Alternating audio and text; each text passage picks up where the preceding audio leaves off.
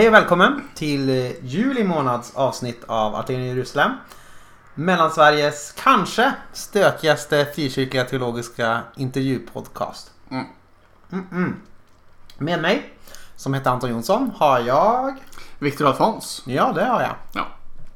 Och eh, den här månaden ska ni få avnjuta en intervju med... Eh, Pekka Mellegård. Ja, helt rätt. Vi kommer prata om på vilket sätt treenighetsläran är som evolutionsläran till exempel. Mm. Precis. Och om eh, man kan lita på eh, neurokirurger. Ja. Huruvida själen finns Ja. och sådana saker. Vad, vad alla kristna har fått fel. Mm. Och vad alla naturer inte fattar. Precis. För att de är så Precis. låsta i sina små, små naturhjärnor. Exakt. Eh, Pekka Mellegård, han är ju neurokirurg. Mm. Örebro universitetssjukhus. Ja, precis. Och eh, han har varit rektor på Missionsskolan. Exakt. Mm. Något mer? Numera ÖTH. Ja, precis. Numera Akademi för ledarskap och teologi. Cursed be the name. Exakt. Eh, Akademi, det är något ord som eh, eh, ganska populärt känner jag. Det nog för att det är lite mindre copyrightat än till exempel universitet Universitet, och ja. högskola. det är mindre skyddat liksom. Ja, Mm. jag tror det. Mm. Eh, Det är ju en högskola, alltså väldigt stora delar av akademi och ledarskap och teologi är ju högskolekurser. Ja. Men eh, vissa delar är ju mer, Örebro teologiska högskola är ju högskola. ja, Men ALT är ju... lite bredare då Ja. för att det är mer past- pastorala kurser också.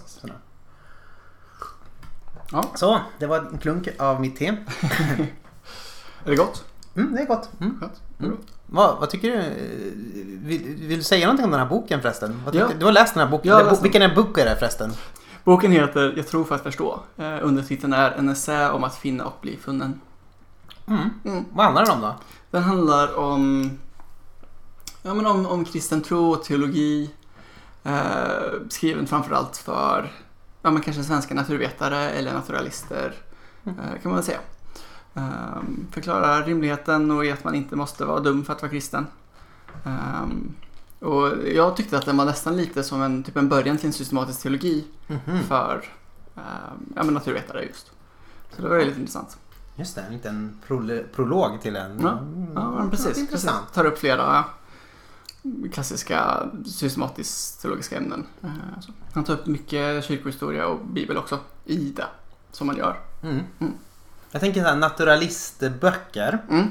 Eh, eller eh, jag tänker Mikael Grenholms bok till Mm. exempel, Dokumenterade mirakel. Det känns också som att den riktar sig lite till en svensk eh, naturalist som tror att bara fenomen som man kan mäta och väga kanske är eh, sanna eller riktiga. Mm, mm, mm. Ehm, så, vilken tycker du, om du skulle, vilken skulle du ge bort till en, din naturalistkompis? Skulle du ge bort båda eller skulle du föredra en eller tror att det passar olika? Eller? Jag, det beror lite på individen. Mm. Eh, jag tror nog ändå att jag ofta skulle ge Pekkas bok. Ehm, för den gör inte... eh, Den utgår inte från positivismen för liksom en tro eller så. Utan han, han argumenterar för rimligheten i det på andra sätt. Okej. mhm. Så den är inte klassiskt apologetisk Mhm. så. Utan den är mer... Ja men eh, kommer mer underifrån och utifrån kanske. Man Mm. kan säga. Mm. Och han är ju själv naturvetare också så det är ju en viss... Det kanske blir enklare att, att läsa den då om man, om man eh, är biased mot naturvetare. Typ. Mm. Ja men det låter rimligt. Mm. Den, den tror jag att eh, mm, Mikael Grenholms eh, är nog ganska bra till så här internetaateister kanske. Ja. Som, inte, Ja. som inte är framförallt kanske naturare. Kanske. Ja, nej men absolut. absolut. Det hjälper. Att det eh, rufflar lite fjädrar eller vad man säger. Ja, ja men Mm. exakt. Det Mm. tror jag verkligen. Okej. Ehm, har du tänkt på någonting? Ehm, nej men jag har framförallt tänkt på den här boken. Mm. Ehm, och hur bra den är. Pekka är väldigt ödmjuk. Mm. Ehm, och, och väldigt påläst märks det. Han eh, citerar allt och alla, eller vad säga. Ehm, men alla möjliga människor från alla möjliga trosuppfattningar och, och expertområden. Och eh, liksom både ateister och eh, hinduer och katoliker och Mm. eh, lite så. Och ehm, ja, men, ja, men, pratar om dem och, och lägger fram där de tänker och tycker och tror och argumenterar för på vad för mig verkar som ett väldigt rättvist sätt. Mm. Det är inte strawman liksom. Ehm, sen kan jag inte vara helt säker på det för jag har inte läst alla som han citerar. Men, men eh, det verkar så ändå. Vi får lita på Ja. Pekkas hedlighet Exakt, i det här fallet då. Ja. Exakt. Mm. Ehm, så det är en väldigt ja, men en bra bok om man är intresserad av uh, naturvetenskap och tro. Uh, kristen tro framförallt då. Ehm, och, och se hur det kan funka tillsammans. Um, och framförallt om man själv inte har så bra koll på kristen tro. Eh, så han tar upp många perspektiv, inte bara liksom svensk frikyrklig utan även lite katolsk och ortodox och kyrkofäder och allt möjligt. Så hur många tummar ger du den?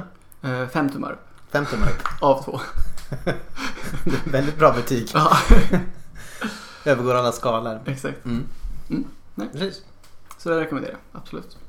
Gött. Mm. Har du något du har tänkt på? Jag funderar på om jag har en månadens mönster eller om Mm. det är någonting annat jag har. Ja. Någonting har du i alla fall. Om- om vi hade haft en jingle här för månadens så skulle den kommit här. En, eh, en nick till dig som gillar att göra jinglar att börja fixa det här. Uh, Okej. Eh, nej men jag tror att eh, min... Okej, det, här är min- det här vill jag ha sagt då. Mm. Det här är min, min rubrik för Mm. dagen. Mm. Och det är varför jag inte blir arg på människor som har satt sig i stor skuld när jag tittar på till exempel Lyxfällan eller råkar sappa förbi Lyxfällan. Ja. Okej? Det är inte sapp, råkat sappa förbi. Du vill vara tydlig med att du inte liksom Alltså, ser, jag- jag- ser det. Jag är inte som att jag tittar på Nej. typ via Play eller något sånt där alla säsonger av Lyxfällan. utan det händer ibland att eh, jag ser Lyxfällan. Ja. Ofta för att någon annan har på det och då tittar jag på det tillsammans. Ah, okej, Det låter som att jag ursäktar mig här. jag brukar faktiskt inte titta på det så mycket men ibland tittar jag, har jag tittat på det. Mm. Ja, ja. Eh, och då är ju en vanlig reaktion när man tittar på det. Oj, oj, oj. Vilka eländiga människor. Hur kunde de vara så dumma? Och det är ju så som dramaturgin är uppbyggd lite grann. Så här att bara. Du jag har med 25 000 i månaden på pizza! På hämtmat! Fattar du inte? Ja, lite så är det ju. Och så lägger de upp alla de här tusenlapparna och sådär. Eh, och så sen så är det en, en, stor, en stor bov brukar ju vara det här med att man tar kortfristiga lån, typ ett sms-lån, man har jättemycket räntekostnader man måste betala av och sådär. Och då eh, den naturliga reaktionen som jag tänker väller upp hos många som tittar på det här är vad, vad dumma de är, vad tänker de, inte, vad tänker de är eller vad, varför gör de så här? Man, blir, man vänder ganska stor ilska mot de här eh, själarna som har ehm, ehm, Ja men som har väldigt höga månadskostnader och som inte betalar av dem och som hamnar i skuldfällor och sådär. Som konsumerar lyx och därför hamnar i en fälla. Ah, där namnet. Ja precis, de konsumerar inte nödvändiga saker utan lyx. Ja. Ja. Eh, och här är en anledning till att jag inte blir arg på dem Mm. eh, så mycket. Eh, det, eller det, är väl lite flera lager här av Mm, mm. men om man säger en sak är ju att jag inte tycker att ehm, Nej men jag tänker, okej om, man, om man tar det på ni- metanivå då Mm. så är det ju såklart så att eh, våran ekonomi drivs ju av skuldsättning. Ja. Och eh, om man tittar på till exempel eh, reklamen på de här eh, som föregår eh, TV3s eh, kära satsning Lyxfällan så är det ju bara massor med typ så här kasino och skuldsättningstjänster. typ. Ja. Och det här beror ju på att eh, vår ekonomi drivs av skuld, av den här stora intigheten i mitten som liksom eh, suger, genererar nytt eh, kapital genom att bara genom att låta folk skuldsätta sig. Mm. Så på det sättet kan man tänka sig okej, eh, på ett större nivå så gör de ju bara det som eh, systemet behöver för att eh, skaffa, skapa nytt kap- kapital. Mm. Men det var egentligen inte min stora poäng. Mm. Utan min andra poäng är att jag tänker att konsumtion är ett av de få sätt som man kan skapa sig en identitet eller ett värde i, våra, i våran samtid. Alltså om man tänker hur det var, säg 50 år tillbaka. Mm. Då var det kanske mer så att man hade eh, till exempel en yrkestradition som man föll tillbaka på. Mm. Att eh, jag är den jag är för att jag kan det här arbetet. Det har liksom satt sig i mitt kroppsminne hur man eh, är en smed. Mm. Det kanske inte var för 50 år sedan men några, några, kanske några var kanske med, men att man kanske hade ett väldigt fysiskt arbete till och med i en fabrik. Så här. Mm. Det var en Mm. sorts Mm. arbetsstolthet i att jag, det här är någonting som jag kan. Eh, Det här är någonting, det här är lite vem jag är. Jag är den här sortens arbetare, jag är den här sortens bla bla bla. Det fanns en stolthet i det. Eh, och eh, det vi lever i nu det är ju en stor sån här, eh, dels har vi ju tagit bort väldigt mycket av eh, en sorts känsla av arbetsstolthet. Mm. För att eh, man har eh, automatiserat väldigt mycket arbeten. Mm. Eh, gjort egentligen att, att väldigt mycket arbete egentligen skulle kunna utföras av en, men en, en duktig apa. Liksom. Mm, Eh, men det finns liksom inte så mycket stolthet att, att, hämta i arbete för, för många människor. Och så har vi ju en stor så här, avtraditionalisering, att Mm. människor inte bor där de eh, växte upp utan de flyttar runt och är Mm. rotlösa och sådär. Mm. Eh, och i den här, eh, när man kanske inte har något värde i eh, i att jag tillhör den här byn, jag tillhör den här gemenskapen Mm. och inte heller att jag har det här arbetet, jag Mm. kan det här, det här sitter i min kropp liksom. Mm. Eh, då eh, har ju liksom eh, substitutet för det Mm. allt mer blivit liksom konsumtion. Att det är där på något sätt man bekräftar sin mänsklighet, sin, vem man är. Mm. Eh, att Sin man, identitet. Ja, att man kan liksom köpa liksom, jag är den här sortens sko, den här sortens logga på Mm. mitt bröst. Mm, mm, Det säger någonting om eh, vem jag är. Eller Mm. mm. Och därför tänker jag att det är ofta en, liksom en eh, eller det här har jag tänkt på i mitt eget möte med människor som har haft det liksom ekonomiskt svårt av olika Mm. anledningar. Att eh, ehm, ja, men man vill fortfarande kunna konsumera och man Mm. vill fortfarande kunna köpa nya saker. Ja. Varför? Ja. Jo, men för att, vi, för att det är det, liksom det sättet man kan vara någon eller liksom etablera en identitet i Just vår värld. Annars blir man eh, lite rotlös. Det är oklart att säga vem man är. Ja. Eh, vad man är till för. vad det finns för syfte liksom, Ja, med att jag går omkring här. Mm. Och då blir ofta konsumtion eh, det här, en sorts ersättning där. Mm, mm. Eh, och det, det tycker jag inte- ändå att jag märker så att man Mm. Även om- hur illa, illa ansatt man är så vill Mm. man fortfarande kunna köpa en ny jacka. Mm. Just det. Eh, Ja, för att det är viktigt. Det är viktigt Mm. liksom. Det är viktigt för den man är. Mm. Och då tänker jag om det här om det är liksom den stora eh, den stora berättelsen om oss. Mm. Då, kanske vi inte, då kanske vi inte ska vara förvånade eller upprörda över att människor då faktiskt gör, konsumerar för att, eh, för att skapa sig en identitet eller skapa sig en känsla av sig själv. Det. Eh, för det är liksom det som vi har fått som en sorts eh, ersats eh, i, eh, i, våran, i våran samtid. Det är Mm. liksom det sättet vi kan skapa identitet på. Därför blir jag inte så superupprörd när, när folk eh, säger såna här saker. Eh, eller liksom konsumerar här Mm. saker. Det är ju det är, självklart, alla har liksom ett personligt ansvar för vad Ja. man lägger pengar på. Ja. Det, är- jag tar in, det, och liksom det, man kan väl säga så här, ja men det är ju kanske objektivt sett dumt att ta massor med snabblån för att kunna konsumera eller Mm, göra mm. så här. Mm. Eh, så. Men Mm. på ett sätt så gör de ju bara det som vi alla håller på med Ja. på ett annat plan. Så. Så även om det finns ett personligt ansvar så finns det också så här, ja men eh, det finns också en, liksom en större berättelse här. Mm. Som eh, Ett driv utanför dem. ett driv utanför dem, en makt Ja. utanför dem som, eh, som påverkar. Liksom. Så Mm. därför blir jag inte så superarg på det. Nej, nej. Eh, och däremot så tänker jag att eh, vi borde inte bli, heller bli så, och det här kanske är min minsta del då. Mm, mm. Att kristna inte borde bli så upprörda över människor som drar på sig skulder. Just det. Det här är ju ett tema som finns redan i, i Gamla Testamentet. Mm. Alltså säg, säg till exempel lagen om jubelåret. Mm. Eh, att där avskrivs alla skulder liksom. Mm. Eh, vänta, får se hur det är nu. Det femtionde året Mm. Så är det ju eh, total liksom, skuldavskrivning och, Mm. alla land, och, och det landet som en fattig person har sålt av för Mm. att liksom, få råd med kanske att överleva, konsumera. Mm. Eh, det går tillbaka till den personen. Och sen så tror jag att eh, eh, nu är, sjukt. det var sjunde år är det ju liksom allmän skuldavskrivning. Ja, ja. Det här är ju superbibliskt liksom. Eh, men, men, men vi tenderar ju kanske mera i kyrkan att säga att man måste sköta sig. Ja. Dumt att skaffa skulder. Eh, fy, dig, dum dum person. Mm. Och så sen så säger liksom Bibeln i GT som vi tycker att vi står över och är mycket smartare än.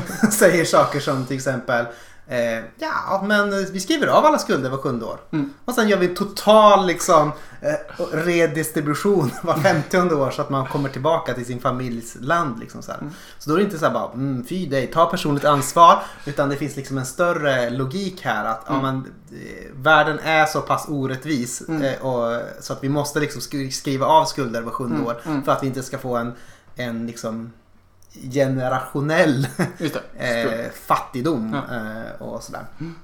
Eh, så det är ju intressant. Och det här tänker jag, det här är ju det som är liksom grunden eller basen när vi pratar om förlåtelse Mm. Mm. i, i kristen tro. Alltså, vi gör det ofta till en sån här abstrakt grej, en transaktion mellan mig och Gud, att jag har gjort någonting fel Mm. eh, och Gud liksom förlåter det här, Mm. eh, det här felet.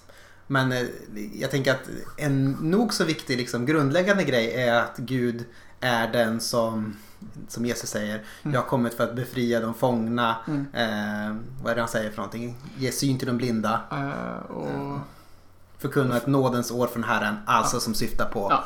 det, här, eh, det här systemet med Ja. Alltså, det, det, det är det som Jesus säger. Det här har jag kommit för att göra. Mm. Alltså, han kommer för att eh, befria från eh, den här faktiska, eller den ekonomiska skulden. Mm. Och också i, i liksom en större mening också så Mm. kommer han för att befria oss Mm. från den här eh, skulden man kan säga att vi har inför Gud. Mm. Så det är liksom, det finns en dubbelhet här. Just. Eh, precis. och därför så tänker jag att det här är, därför blir jag inte så upprörd över sådana här saker. Mm. Eller jag blir inte så här, eh, ta personligt ansvar, ryck upp dig. Nej. Utan jag tänker så här, vad vi kristna egentligen kanske borde göra det är som jag har sett att en kyrka som heter Jubilee Baptist Church gör i Oj. USA. Mm. att, och då hör ni var det kommer, då, var det kommer ifrån. Eh, Det är att de eh, liksom av, betalar av folks skulder. Wow. Alltså de betalar av eh, till exempel, framförallt medlemmars skulder för de säger så här, men alla är vi liksom skuldsatta men också folk utifråns Mm. kreditskulder och sådär. Alltså att, Ja. eh, sätt, eh, sätt fångarna fria. Ja, Liksom ja, wow, Och då kombinerar man ju den här både, ja men vi kommer här, det finns det är både det här förlåt oss våra skulder Mm. i att vi förkunnar evangelium på något sätt som befriar oss från eh, våra skulder för Gud. Men det är också evangelium att vi betalar av eh, våra skulder som sätter oss i en sån här fast i en cykel av Ja. generationell fattighet, Ja. fattigdom. Ja. Sen såklart eh, så är det ju en fördel då om man har fått sin skuld betald. Mm. eh, Man ändrar sitt beteende. att man ändrar sitt beteende. Mm. Att det finns en sorts omvändelseaspekt i det. Just. Alltså det för det, det är praktiskt liksom. Annars Ja, så kommer ja. man sitta fast där och Ja. fortsätta behöva göra det här samma sak om och om igen. Så. Men kristens reaktion borde inte vara eh, rent bibliskt så här. Eh, Fy vad dumma de är, de förtjänar det här. Eller så. Eh, utan snarare vara eh, Låt Hjälp. oss, låt oss, låt oss liksom befria de skuldsatta. Mm. Coolt. Ja. Mm. Så det var min eh, take på varför jag inte blir arg på folk eh, i Lyxfällan. Nej, ja. Mm. ja. Härligt. Ja, tack tack. Tack. Okej, är det dags för Pekka då? Ja, Mm. Mellegård. Ja, vill du göra en Herr, liten... herr Mellegård. Herr Mellegård. En liten eh, trumfanfar och så kommer vi in.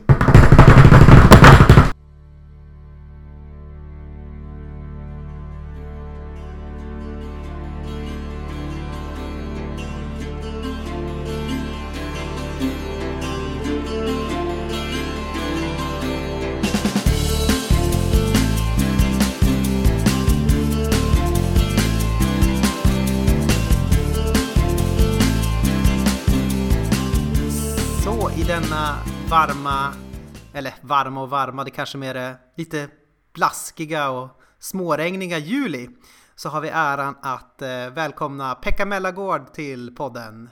Varmt välkommen! Tackar, tackar. Ibland så brukar vi ställa den här frågan, eh, vem är du? Eh, För att det kan, ju, det kan vara bra liksom att, för den som inte känner till vem du är, att du får chans att presentera dig själv. Jag, brukar, jag brukar berätta, när jag, får den här frågan så brukar jag ibland berätta en historia som jag, jag tror jag hörde från min pappa första gången. Om, eh, ni vet den här filosofen Schopenhauer, kommer ni Mhm. ihåg? Eh, han, han var ju känd för att vara lite, lite eh, dysforisk. Så där ibland. Det finns en historia att han satt på en parkbänk i, det var väl i Berlin han bodde och så kom han, och han satt där liksom varje dag och tittade lite tomt framför sig och då kom det en polis en dag och frågade ja, min herre, eh, ursäkta, men vem, vem, är ni egentligen? Mm. Och då tittade Schopenhauer på polisen och sa ja men tänk om konstapeln kunde tala om det för mig. Mm. och, och, lite så kan det kännas ibland. Eh, mm. Men jag är ju då en nu 60 plus man som har svårt att riktigt förstå att livet eh, faktiskt har passerat senigt. Är dock ganska nöjd med det liv som har varit. Eh, och det har handlat ganska mycket om eh, att vara läkare. Jag har fått göra det jag har tyckt om under livet. Jag är ju neurokirurg, en hjärnkirurg som har varit ett sorts drömjobb för mig. Men sen så blev det ju då en ganska så radikal förändring i mitt liv när jag började fundera på om, om det där med hjärnkirurgi verkligen var det allra viktigaste i livet. Och det ledde till en... Det var kopplat också till det här med, med, med tro och, och vem, vem jag vill vara och vad livets mening var och sådär. Och det ledde ju så småningom till en rejäl omprövning kan man säga av, av, av livet. Det gjorde att vi hamnade i Kina, jag och min fru Anna. Och så småningom fick jag då frågan om jag skulle bli rektor på, om jag ville bli rektor på Örebro Missionsskola. Och tackade dåraktigt ja till det och eh, lovade då fem år men det blev elva. Och väldigt fina, spännande år på många sätt. Och sen lite oväntat så kom jag tillbaks till neurokirurgin efter det. Så nu har jag jobbat i sju år i Örebro och byggt upp en helt ny neurokirurgisk verksamhet där eh, tillsammans med några kollegor. Så att jag har liksom slutit den säcken kan man säga. Mm. Eh, men, men alltså från att från början då ha haft väldigt mycket av min identitet i, i det där med att vara läkare och neurokirurg så är det numera ett, ett levebröd kan man väl säga. Som, och det, det som intresserar mig mest är väl egentligen de här så kallade stora frågorna, de existentiella frågorna, frågor om tro, mening, handling. Den här utmaning, utmanande tiden vi lever i. Hur, hur, hur ska vi hantera alla, alla, alla de svåra utmaningar vi står inför? Och, eh, sådana, där, sådana där saker upptar mig ganska mycket nu och det är det som intresserar mig kan man säga. Mm. Det, det, kanske säger något. Ja, men en, en, ganska bra introduktion tänker jag ändå. Verkligen. Mm. Verkligen. Du har ju kommit ut med en, en eh, bok nyligen eh, som heter Jag tror för att förstå med subtiteln En essä om att finna och bli funnen. Och inledningsvis, vad, vad, vad betyder jag tror för att förstå? Eller vad menar du med det? Jag antar att ni som har läst teologi känner igen titeln. Det, det, alltså egentligen är titeln det är en blinkning kan man säga åt, åt två håll. Mm. Dels, dels då tillbaka i kyrkohistorien och, och en eh, person som heter, eller kallas Anselm av Canterbury som levde för tusen år sedan och som har givit en del olika liksom, bidrag till, till teologihistorien. Han skrev, han, han, skrev i en bok det här uttrycket som, som många teologer brukar köra med som heter credo ut intelligam. Alltså, boktiteln är ju ett, ett direkt över, övers, översättning av det. Han hade nog snott det i sin tur av Augustinus som levde ju ytterligare 600 år tidigare. Det är kul med latin, vet, man kan bara göra några små ändringar på, på, på ändelse så blir det en annan, annan mening. Augustinus mm. skrev crede ut intelligas och då blir det tro så att du ska förstå, eller tro för att du, så att du ska mm. kunna förstå. Och det där var, jag, jag har ju med, med, min bakgrund är ju då att jag växte upp i, i frikyrkan och i, i, i, min pappa var pastor i Örebromissionen. Och det, ju, det, tog mig ju lång tid att förstå att, att, att den kristna tron finns i ett långt, långt sammanhang och att det finns rötter så långt tillbaka. Eh, och att, att även som baptist och pingstbaptist så, så har man ett samband med de här personerna som då, när jag var ganska liten, mest framstod som, ja, i bästa fall lite lätt eh, oandliga personer som läste Bibeln men, men, men, som jag så småningom förstod att ja, men jag, har, jag hör ihop med dem där även om jag inte håller, håller med allt vad de skrev. Så att en blinkning åt dem, men det är också en blinkning åt dem som... Första gången jag hörde det citatet så var det mera alltså på ett kritiskt sätt av, av, av icke troende människor som, som använder ungefär i betydelsen tro istället för att förstå.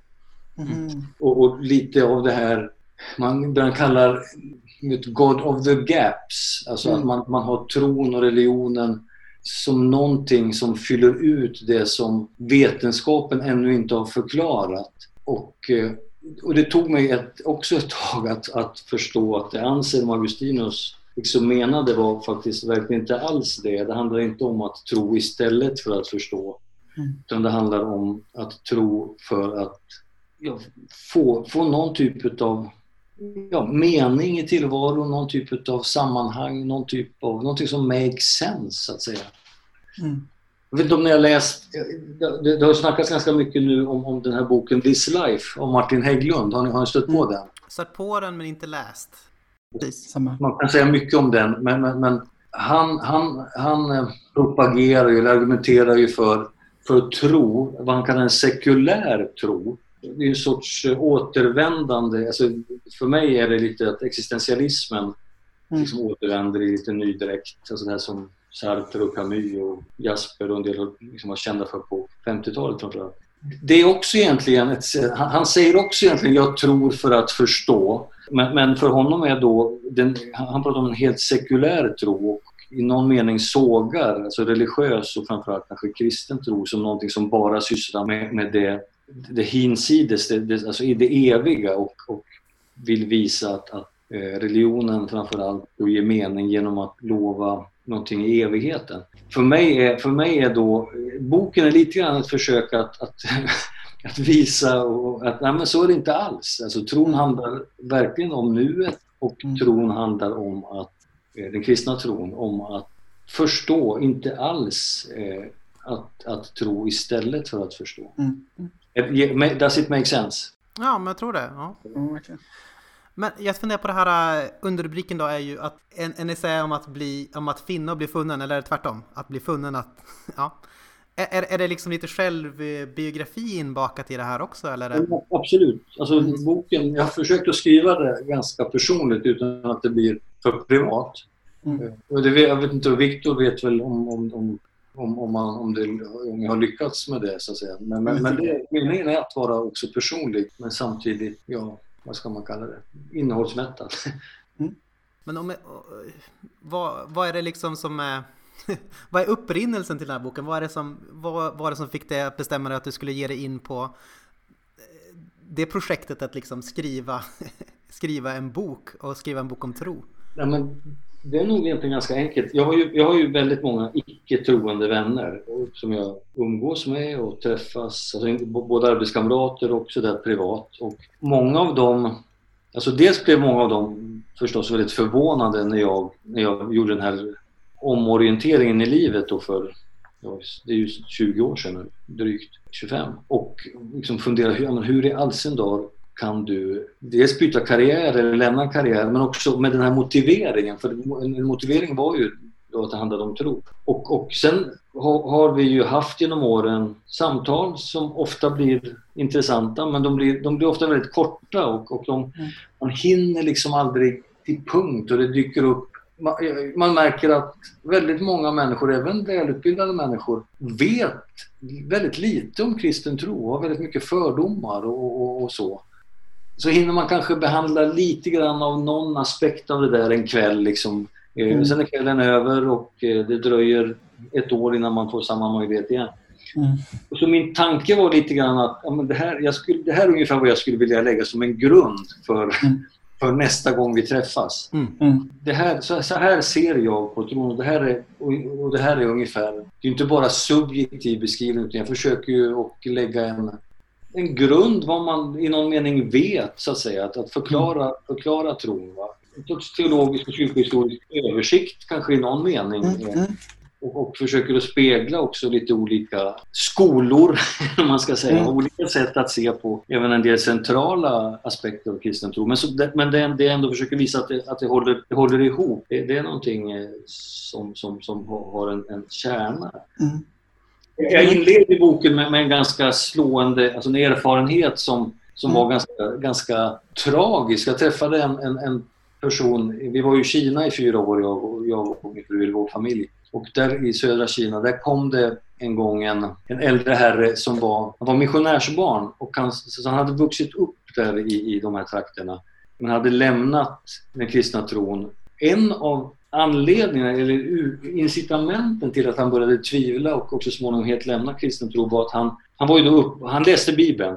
Alltså som många 10-11-åringar liksom som, som vill verkligen göra rätt för sig inför föräldrar och inför Gud som de predikar om och så. Han läste Bibeln och läste den noga och så såg han att citaten i Nya Testamenten, Nya Testamentet från Gamla Testamentet, de, de stämde inte överens. Och eh, han, han hade inte alls fattat att Nya Testamentet använde sig av det som man brukar kalla Septuaginta, alltså en grekisk översättning utav den hebreiska texten.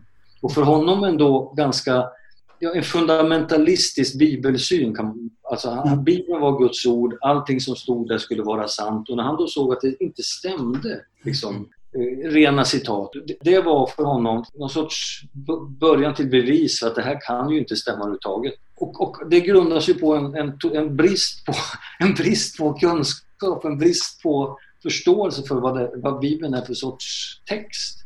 För mig var det, det var tragiskt och samtidigt så visste jag att det, där, det hade kunnat vara jag som satt på den där andra sidan bordet. Men jag hade då haft tur eller nåd, om man ska säga, att, att få träffa människor och få läsa och saker som, som hade ökat min förståelse och hållit mig kvar i, i, i, i det här kristna sammanhanget som jag också hade vuxit upp i då, men, men som jag mm. hade väldigt mycket tvivel kring under långa perioder av mitt liv. Ja, för det är en viktig del också i din, om man ska säga självbiografi, att du länge hade en sånt tvivel just utgående från Bibelns karaktär kanske, eller vad är det här för bok egentligen och hur kan man säga att det här är Guds ord? Stämmer det?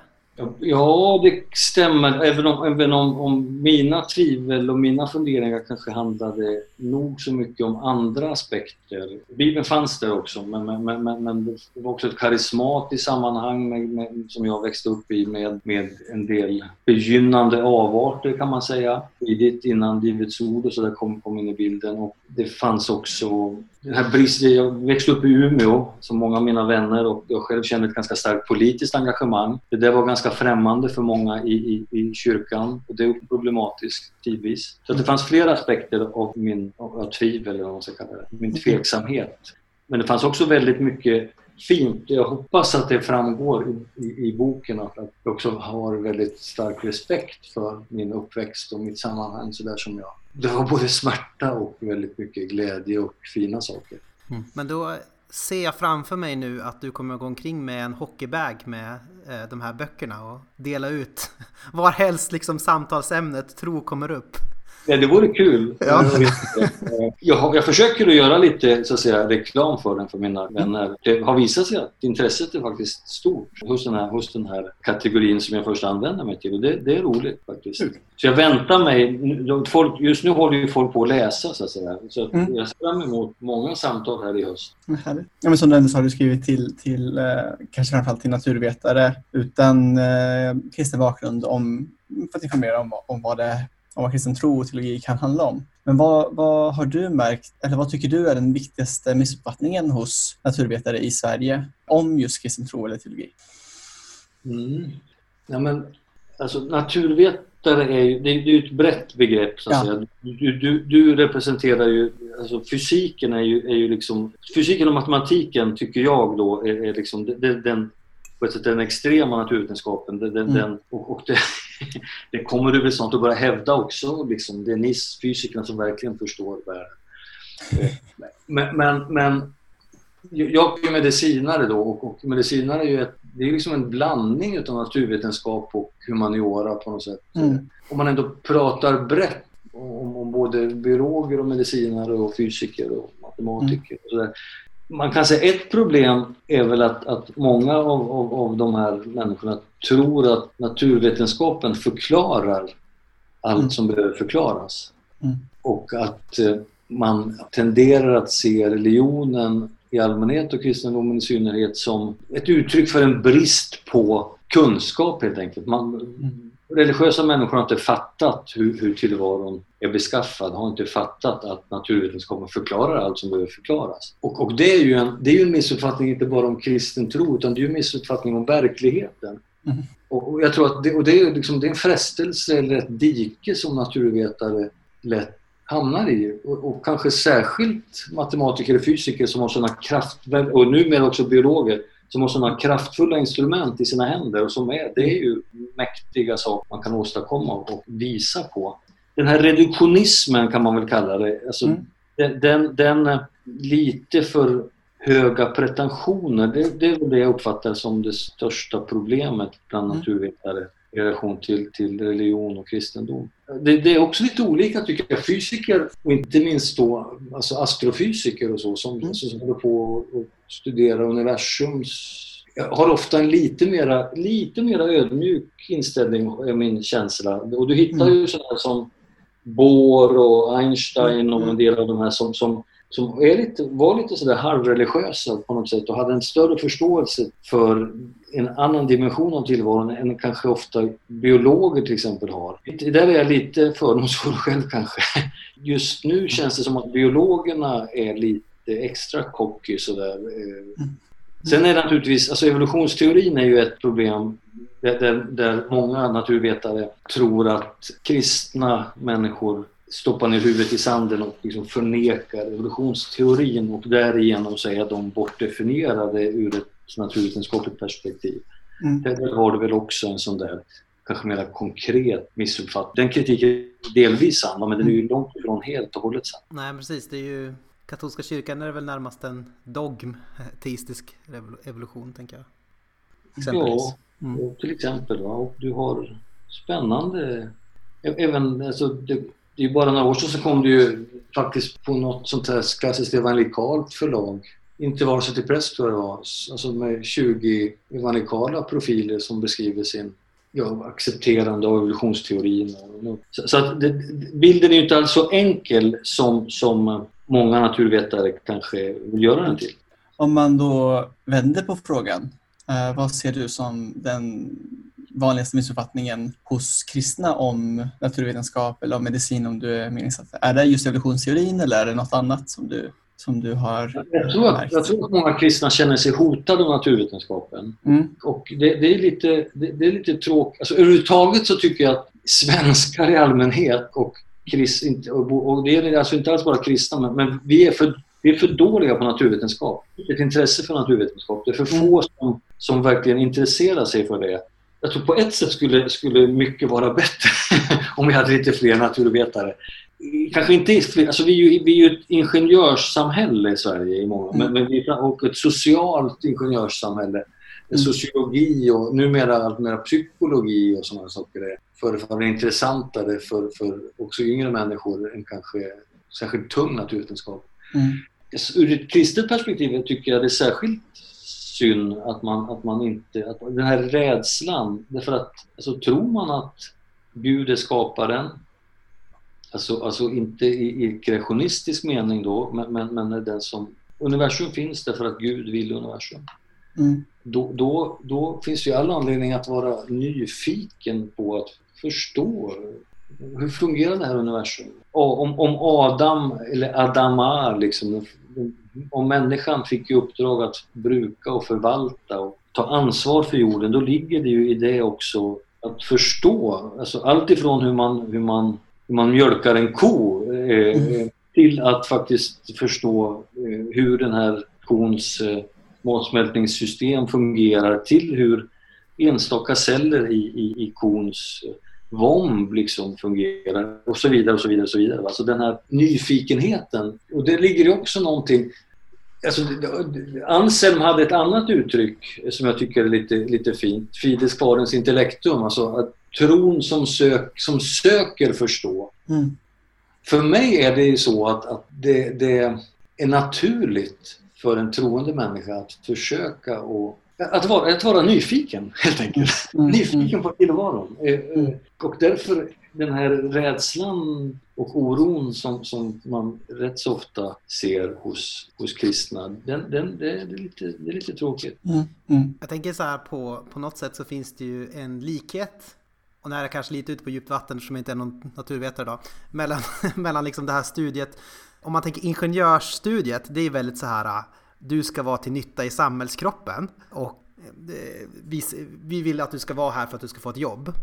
Men om man tänker, eh, teologi är ju liksom onyttan liksom definierad på något sätt. Att den är inte, det är inte så här, det är väldigt svårt att definiera varför, den varför, den är så, varför man håller på med den, varför den är så nyttig för att man ska få jobb eller för samhällskroppen och sådär. Och på något sätt kan man också tänka att eh, liksom det här djupa studiet av, ja men inte vet jag, fysik och sådär, det kanske inte är så uppenbart alltid vad som kommer vara nyttan av det. Men i båda de här områdena så finns det någon sorts glädje bara av att studera det som är större att, att liksom sugas upp i det som är, som är större än nytta, eh, kanske man kan säga. Jag håller helt med. Ja. Man, pratar, man pratar ibland om grund, grundforskning eller, eller grund, alltså, och tillämpad forskning. Och, och, så där. Och, och, grundforskning har ju ofta svårare också att få finansiering och sådär. Mm. För att det, det, i en allt mer instrumentell tid så liksom försvinner även liksom i naturvetenskapen den där, det där elementet tyvärr. Jag håller, jag håller med dig. Och vad ska man då ha universitet till egentligen? Om det bara är för att spotta ut massor med nyttiga, nyttiga idioter eller om man får ursäkta uttrycket. Och det är klart att det har ju massa, massa förklaringar. Vi, vi lever i ett allt mer komplext samhälle som kräver mer och mer alltså, utbildning och, och som då kräver kanske längre och längre studier. Men, men eh, det, där, det, där är, det där är ett särskilt, särskilt program egentligen, en särskild podd. om jag får bara säga någonting till också om det här som jag eh, tänkte på. Det är ju att det finns ju också ett problem med vad man kan kalla metafysik här. Alltså att, att man just tänker sig att Gud och skapelsen på något sätt konkurrerar. Det är väl därifrån den här God of the Gaps kommer ifrån. Alltså att antingen är det, är det ett naturligt fenomen som inte har någonting att göra med Gud, eller så är det Gud eh, som, som är liksom orsaken till någonting. Till exempel att det finns bläckfiskar eller något sånt där. Antingen är det att Gud skapar direkt eller så är det en naturlig process att det finns eh, bläckfiskar. Och det tänker jag, det är ett ganska stort så här felslut att man tänker sig att skapelse och världen konkurrerar på det sättet. Mm. Ja. Jag håller med och det finns jättemycket, det finns jättemycket att säga om det. Och det är klart hela...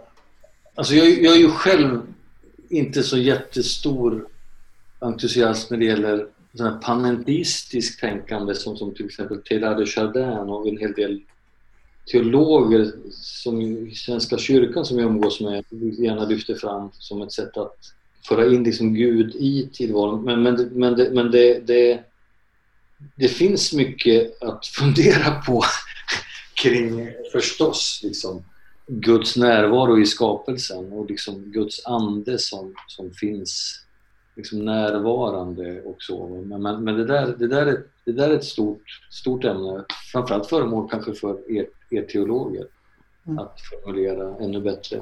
Vi får göra så gott vi kan. nu, en eh, du, nu har du sagt att du gillar djupa existentiella frågor, så du får du en. Vad är sanning om, om det finns något som kan kallas sanning? Eh, och, och, för att kanske hänga upp det på någonting. Tänker du att evolutionslärande är, är lika sann eller sann på samma sätt som treenighetsläran? Det där, det där tycker jag är en... Det, det är en bra och intressant fråga. Men om man börjar med liksom det, det där första du frågar, alltså, mm. vad, vad, är sanning och om den finns? Mm. Alltså jag, jag tänker ju att vi lever ju i en tid där frågan om sanning är viktigare än någonsin. Alltså den här tiden med så mycket lögn, fake news, försök att liksom manipulera, övertyga helt oberoende om, om saker är sanna eller inte. Liksom att, att yta och röst, alltså mängd, mängden av, av, av information avgör snarare än, om det är sant. Alltså frågan i vår tid är jätteviktig. Sen, sen är det lite, man kan ibland känna sig förtvivlad liksom just att vad är det för tid vi lever i? Och, och då, då är det lite intressant ändå att, att påminna sig att alltså Pilatus ställer den frågan till Jesus. Va? Vad, vad är sanning? När, när jag läser det, då brukar ni, ni eran, eran podd heter ju Från Jerusalem till Aten. Så vi kan väl ta in lite Aten. vi kan ta in lite Aten här. Alltså Pilatus jag tänker mig att Pilatus var ju landshövding i, i Rom. Alltså, för att vara det måste man vara välutbildad. Väldigt många romare hade ju... Det var ju mycket greker som var så att säga, lärare i, i Rom och i romerska kolonier. Och Pilatus hade säkert, var säkert bekant med Platons dialoger och till exempel Protagoras och Gorgias, de här sofisterna som, som Sokrates liksom kämpade mot och som, som ju faktiskt argumenterade för en sån här, alltså en relativistiskt sanningsbegrepp som, som påminner lite grann om det här som vi delvis kämpar med eh, eh, fortfarande och kanske ännu mer idag. De, de, hade, ett, de hade ett uttryck, de, alltså homo mensura, människan är alltings mat, Som, som, som, alltså, jag tror det var Protagoras som skrev om det framförallt. Han argumenterar ju då att sanning beror på människan. Man kan inte säga om det är kallt eller varmt, liksom det beror på det beror på hur människan upplever det. För en människa är det kallt och för en annan är det varmt. Och, då, och där kommer ju, tycker jag, naturvetenskapen in lite grann. Som, alltså man kan faktiskt mäta temperatur och så kan man definiera, är det varmt eller är det kallt så att säga. Och, och där är, alltså, där är då naturvetenskapen, om vi bara återkopplar kort till det, viktig för, för sanningsdiskussionen. Mm. Sen är ju även naturvetenskapen naturligtvis handlar inte det bara om, om, om, om, om, om grader Celsius och så. Och, och om vi tar evolutionsteorin så finns det ju, det finns ju likheter och naturligtvis jättestora olikheter till treenighetsläran. De, de, de, det handlar om helt olika aspekter av tillvaron. Men, men en likhet är ju alltså svårighet att direkt observera, alltså vi kan inte se Gud, eller hur? Mm. Och vi kan heller inte, vi kan heller inte se evolutionen. Alltså evolutionsteorin grundar sig på ett antal observationer som vi försöker lägga samman till en teori om hur saker och ting har, har utvecklats. Vi kan inte se det där evolution, de här evolutionsträden som ritas upp. Processerna bakom dem kan vi inte se, men, men, det, men det är det bästa vi kan göra av, av den, den information som står oss till buds. På samma sätt tänker jag med, med treenighetsläran. Det, det är liksom det bästa som kristna tänkande människor under knappt 2000 år när man började fundera i de här banorna. Vem är Gud egentligen? Alltså, har, ha, ha kunnat få ihop, framförallt då utifrån inkarnationen och, och Jesus och Jesu relation till Fadern och så. Så att det är ju viktigt att förstå att både evolutionsteorin och treenighetsläran i någon mening är provisorier. Det är, liksom, det är det bästa vi just nu kan göra utav våra samlade observationer. Men, men vi, och det, det, det, är knappast troligt att de kommer att omkullkastas totalt, liksom någon av dem, vare sig mm. Eh, evolutionsteorin eller, eller för teologerna treenighetsläran. Samtidigt så, jag menar, unitaria, unitarianer och så, alltså folk som beskrivs som kristna men som förnekar treenigheten. Det har ju funnits och det har mm. funnits lamarckianer liksom som, som, som förnekar, som inte tror på evolution på det sätt som Darwin har beskrivit det hela.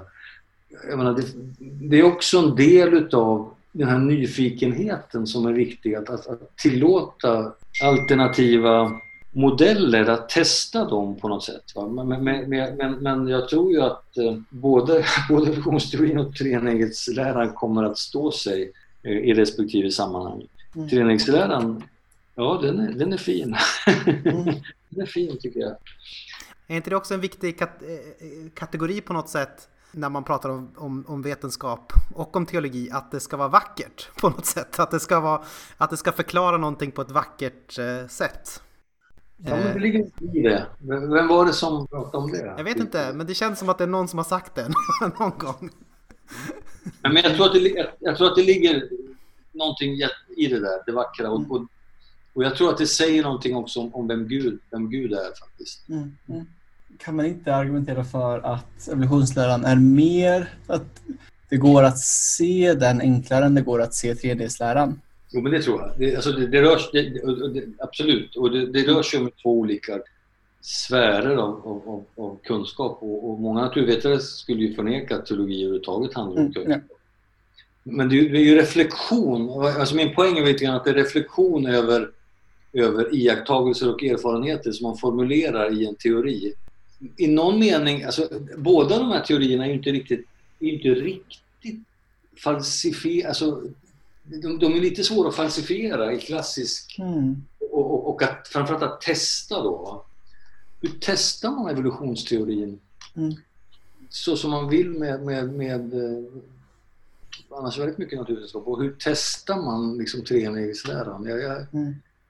jag tyckte det var, det var två bra liksom, exempel för den där frågan. Jag, Men, jag- men jag tycker det låter liksom ganska rimligt där att om man tänker ja, men evolutionsteorin då är det sättet som vi då försöker förstå eller de här observationerna som vi har gjort eh, över, över livets olika stadier liksom så här, och, och så försöker vi knyta ihop det på något sätt och förklara det genom evolutionsteorin. På samma sätt är det med treenighetsläran att det är vårt sätt att förklara Gud utifrån våra observationer av Guds handlande i frälsningshistoria. Hur han har agerat med Israel, hur han har agerat med kyrkan liksom och sådär. Att det, alltså det, jag tänker, du, du fick mig att tänka på det, att det är mer likheter där än vad man kanske, än vad man kanske tror först. När, när, ni, när du ställer den frågan, Viktor, liksom, Mm. hur tänkte du själv? Nej, men jag, jag tänker framförallt på typ källor till sanning. Eh, vad man kan säga sig dra sanning från. Eh, och, och som du säger så, så är det en hel del ja, men, mänskliga formuleringar av, av teori och, och inte råa observationer i vare sig evolutionsläran eller i, i treenighetsläran. Men, men treenighetsläran är ja, men jag, jag tycker den är svårare att observera eh, och, och, och grunda i, i observationer på. Även om, om det, som du säger, är svårt att falsifiera evolutionsläran också så är, är det utifrån en naturvetenskaplig förhållningssätt så känns den mer, mer stabil typ. Jag håller ju med dig i, i, i en mening, va? men det är Mm. viktigt, tänker jag då, att, att förstå att det handlar om, det handlar om två olika kunskapssfärer. Mm. Att överhuvudtaget prata om treenighetsläran, men det förutsätter att man pratar om Gud, att man liksom Mm. tror att Gud finns. Alltså teologin, alltså för många, det menar, för 10-15 år sedan när jag började som rektor på Missionsskolan så hamnade jag mitt inne i, i Högskoleverkets, eller, eller sakkunniga på Högskoleverket som mer eller mindre ville avskaffa teologi som ett akademiskt ämne. Delvis inspirerade tror jag av humanisternas satsning där. Och, men det, det finns ju människor som, som totalt förnekar, det, alltså bara skrattar åt eh, liksom, teologer. Varför ska man slösa pengar och utbildning och år på liksom, att läsa teologi? Men det, det, för mig är ju det då ett sorts förnekande av en del utav verkligheten. Just det. Just det. Men om man inte förnekar en del av verkligheten och liksom försöker att... Alltså den här tron som försöker att förstå. Och, och då handlar det ju väldigt mycket om Jesus, va? om inkarnationen. Hur ska man förstå, ska man förstå Jesus som Gud? Och, och genom att Jesus är, Jesus är liksom det, det, det någorlunda observerbara fakta vi har, även om det är också väldigt det är väldigt, bräcklig, det är väldigt bräckliga observationer om, om, om, man- Mm. om man använder naturvetenskapens kriterier. Just det. Men, men hur kan man då... eh, Jag tror du går in lite grann på det i, i din bok också, men, men jag ställer frågan ändå. Hur kan man då veta om treenighetsläran är sann eller inte? Eller, eller liksom, Det Ja. kan man inte. Det, menar, Nej. jag, nej, det, skulle jag säga. Det kan man Ja. inte. Eh, Alltså det, det, är, det, det, är en, det är en modell. Det, det är det bästa provisoriet mm, hittills. Liksom. Men, men det, den är ju också den är ju begränsad. Alltså, jag menar, överhuvudtaget, hur kan man veta någonting om Gud? Alltså hur kan man säga någonting om Gud? Taget, och, och, och där finns det ju, det finns ju den här traditionen alltså, som ibland kallas liksom, apofatisk teologi Mm, eller negativ teologi. Eh, att, att, ja, men, det enda man kan säga är vad Gud inte är. Va?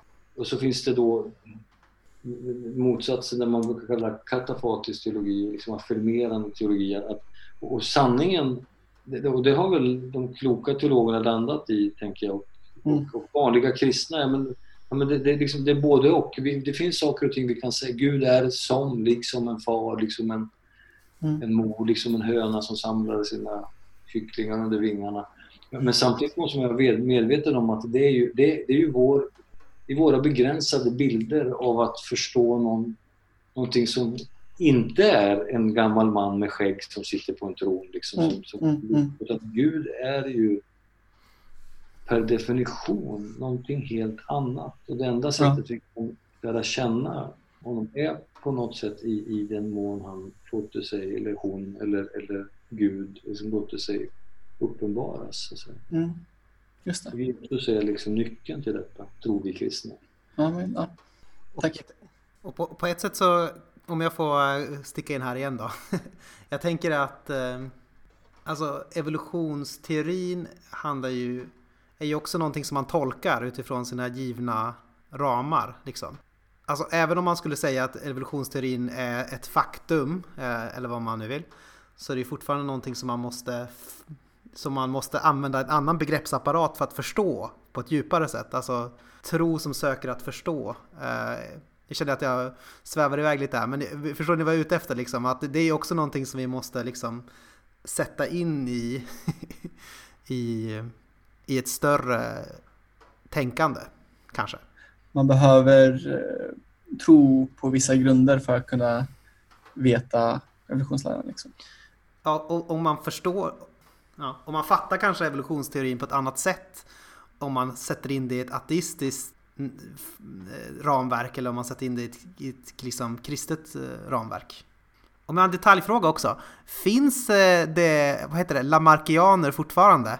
Som är liksom, som man tas på lite seriöst. Det, det gör det väl inte. Alltså det som är intressant är ju att det har ju börjat dyka upp alltså fynd som kanske ger viss eh, cred åt, åt de idéerna. Alltså att det faktiskt finns så kallad ep, epigenetik pratar man om numera. Där alltså arvsfenotyp, det, det som uttrycks av, av generna så att säga, påverkas utav individers erfarenhet. Mm. Eh, Det finns en del intressanta saker att, att människor som har svält föder barn som har större risk att få diabetes och det tycks som att den här svälten har påverkat genomet eh, på ett sätt som gör att det som uttrycks liksom i nästa generation faktiskt har att göra med vad, man har utsatts för. Alltså, Mm. eh, och, det där med epigenetik, det är ju ett område då som... Ja, det finns väl vissa, vissa likheter med, med lamarkianism blir det va? Mm. men, men riktiga lamarkianer, det, det finns nog inte tror jag. De är lika utdöda som dronten. I kristna och kanske framförallt karismatiska eh, världar så kan man ibland prata om, om ande och själ eller ande, kropp och själ. Och det tycker jag är lite intressant, framförallt i relation till, till neurovetenskapen.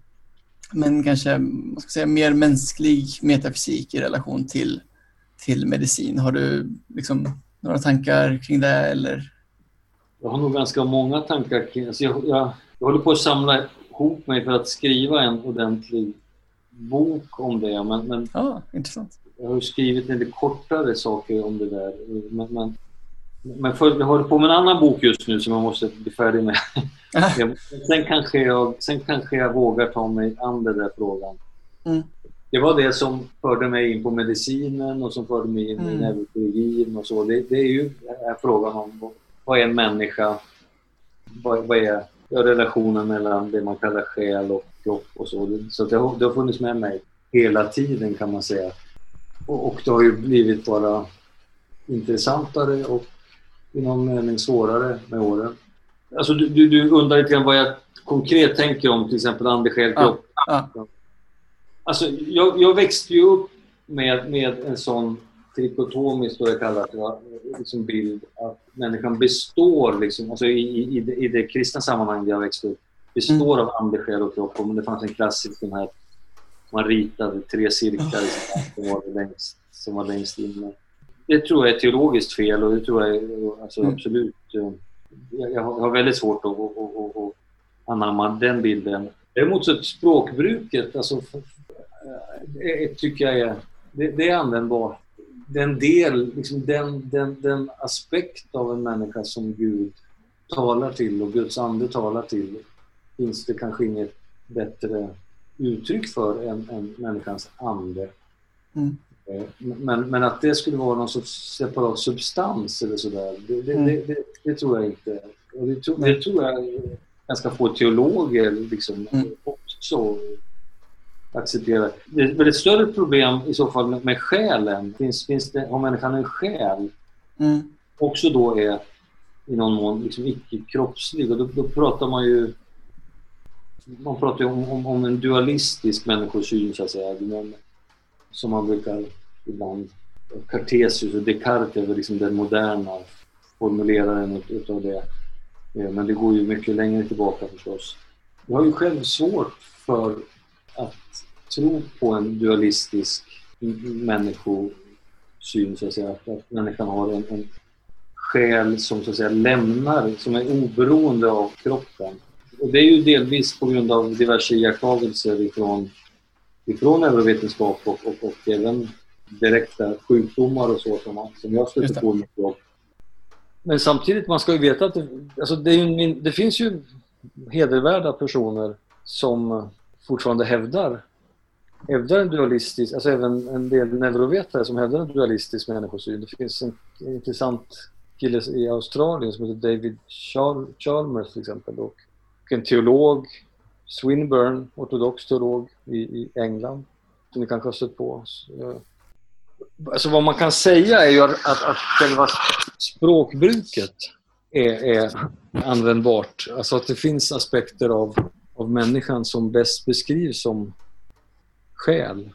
Jag, jag har ju också jag har ju en, alltså en viss teologisk problem med att, att det skulle finnas någonting som är odödligt, liksom, som inte är Gud. Jag tänker, det, Mm. det, är, det inte bara, är det inte bara Gud som liksom har en, en, en, en odödlig, liksom helt oberoende existens?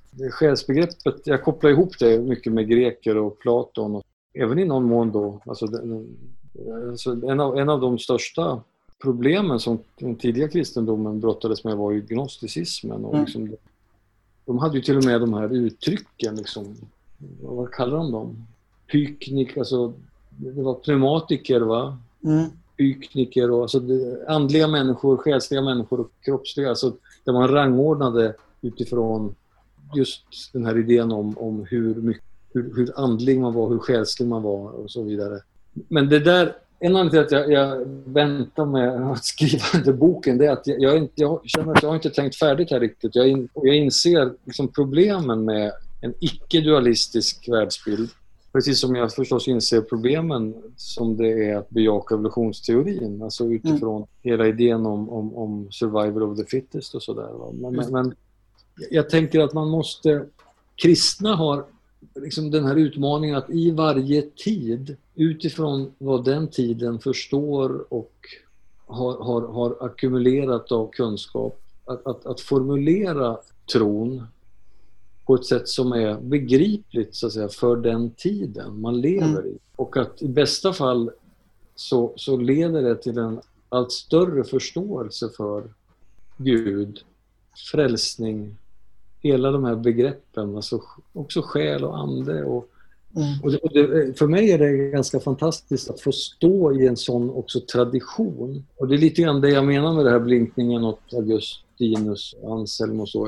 Att, att, ja, jag känner att det finns en rikedom att få tillhöra den här skyn av vittnen eller, eller, eller de heliga samfunden. Alltså som, som, det, det, och det som förenar oss är ju ändå Gud, längtan efter att förstå, viljan att faktiskt säga Jesus är Herre djupt i vårt hjärta men samtidigt bejaka vår mänsklighet och att vi, är, att vi får leva här som skapade varelser under en period och utmanas att göra det bästa av det, inklusive att ta vara på vår nyfikenhet och våra intellekt och allt det där.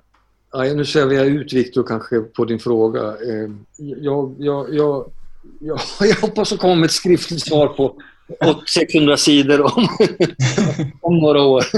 Perfekt. Ser fram emot läsa den. Man kan väl säga att du har en lite mera hebreisk syn också kanske på det hela, verkar det som. Alltså att kroppen är ändå på något sätt eh, viktig. Tänk, ja. alltså, den kroppsliga uppståndelsen är viktig i kristen tro. Jesus, Jesus uppstår. Alltså en annan kropp, det är inte samma... Den är igenkänningsbar, men den har andra kvaliteter. Det finns en kontinuitet och en diskontinuitet på något sätt. Och det där är ju, det där är ju, är ju också väldigt spännande. Va? Vi, vi kan ju som människor, menar, det är därför det finns alla dessa olika andliga rörelser och, och liksom, ja, i, alla möjliga religioner. Så att vi, vi, människan har förmåga att uppleva saker och ting som pekar liksom bortom det materiella. Och, och det, det, ställer ju också frågan, liksom, vad är materia? Vad, vad, vad, är, vad är... Vi har väldigt, alltså egentligen nog min poäng, att vi har väldigt mycket kvar att upptäcka av skapelsen. Och där kan teologin vara med och stimulera och eh, väcka nyfikenhet och öka förståelsen. Och det, tycker, det är därför jag tycker det är kul, Viktor, att, att du, det här, alltså såna här Alltså kombinationen med, med teologisk kunskap och, och naturvetenskap, den, mm. den är bra. Mm. Och, och, och vi, vi, borde ha mera sånt och vara mindre rädda för det och liksom bejaka, bejaka och glädjas åt det. Men, men, mm. men, men samtidigt inte tappa den här djupa förankringen i teologin och i de troendes gemenskap. För att, för att alltså teologin skild ifrån ja, det man kan kalla den troende, de troendes gemenskap. Det, här, det, det, blir inte heller bra. Det, det, blir det, det riskerar att bli för abstrakt eller för teoretiskt eller för, för verklighetsfrämmande. Det handlar också om kroppslighet, att, eh, att vi, vi, vi, vi tillhör, de här kropparna tillhör varandra i någon mening också. Och, mm. Ja, nu, nu lockar ni mig på, på djupt vatten på ett annat sätt. Här, men... Mm. Vi har två frågor som vi brukar ställa till alla gäster eh, som är med på, i podden. Och eh, den första är, vem är Jesus? Det brukar jag ställa till alla människor. Det brukar vi ställa till alla människor. Ja. Jag försökte ju i boken lite grann beskriva vem jag tror att Jesus är. Och jag, jag gör ju rätt mycket utav, utav Albert Schweitzer. Eh, som kanske, alltså det, är, det är över hundra år sedan han skrev den här von Rimaruso vrede, alltså hans, hans stora genomgång av Jesusforskning. Där han ju mm. landade i att försöken att, att konstruera en historisk Jesus är verkligen konstruktionsförsök och ofta bara ett uttryck för personligt önsketänkande och, och projektion i någon mening. Men det intressanta är, är ju ändå att, att även han då landar i den här... Jag avslutar ju boken med, med, med, ett citat, jag vet inte om ni kommer ihåg det, som jag tycker är så, så bra. Alltså, han skriver så här, han kommer till oss som en okänd utan namn från en annan tid vid kanten av sjön. Han kom en gång till dem som inte kände honom. Nu talar han till oss med samma ord. Följ mig mm. och utmanar oss att fullborda det uppdrag han måste förverkliga i vår tid. Han mm. befaller och för de som väljer att lyda honom, vare sig de tillhör de kloka eller de enfaldiga, så kommer han att uppenbara sig själv i det slit, de konflikter och lidanden de kommer att gå igenom i hans närhet. Och genom ett obeskrivet mysterium kommer de genom sin egen erfarenhet att förstå vem han är. Alltså, där någonstans, jag tycker han, för mig formulerar Schweitzer där en, en djup sanning om vem Jesus är. Sen kan man, Jesus var en historisk person. Det är genom Jesus vi kan förstå vem Gud är. Jesu uppståndelse är det som ger oss hopp om vår egen uppståndelse och om att döden inte är, har sista ordet. Och det är också, det är liksom, det är kristendomens kärna kan man säga, alltså Jesu uppståndelse. Det, det, har den inträffat eller inte? Det, där någonstans är liksom trons kärna. Och jag försöker också mm. säga det i, i boken, att, att jag tror att det är så det förhåller sig. Är det ett svar som räcker eller? Det räcker. Eh, den sista frågan vi har, eh, och som vi också brukar ställa till alla, det är vem tycker att vi borde intervjua i Aten och Jerusalem? Okej. Okay. Alltså något, något intressant personer, är det det ni menar? Mm, ja. Nej, men, har ni intervjuat Arne Rasmusson? Mm, ja, faktiskt en gång. Men man kan göra det igen. Han har ju, han har, han har skrivit, var det länge sedan eller? Eh, kanske 2017. Du har skrivit den, fast okej. Okay. Har, ni, har, ni, har ni intervjuat Nordlander, eh, filosofen, vad heter han i förnamn? Eh, Andreas? Andreas? Nej, han har vi inte intervjuat. Han, han kan man ju prata med om olika saker. Mm. Lars Trägård? Mm, det vore intressant. Jag lärde ju känna honom. Ni, ni känner till honom eller? Ja, ja. Mm. Eller gör du det Viktor? Vill du ha en liten intro? Ja, gärna. Lars Trägård skrev en bok eh, som heter Svenska människa. Eh, som en jätteintressant take liksom på vad, vad, vad är, hur är svensken egentligen. Och han, han, bryt, han bröt lite grann mot konventionen att, att, att svensken skulle vara så kollektivistisk och sådär. Tvärtom så är svensken extremt individualistisk menar han och, mm. och drog det där bakåt historiskt och sådär. Och jag lärde känna honom lite grann i den här framtidskommissionen som jag var med i en gång i tiden. Då har vi hållit lite kontakt. Och, och det, det, som var lite kul och det vi pratade om då var, var att jag tyckte, jag tyckte det var en jättebra bok men jag tyckte att han helt hade missat alltså, kristendomens betydelse för, för svensk kultur, mm. framförallt Lutherdomen. Och Luther, eh, det fanns liksom inte alls med i boken.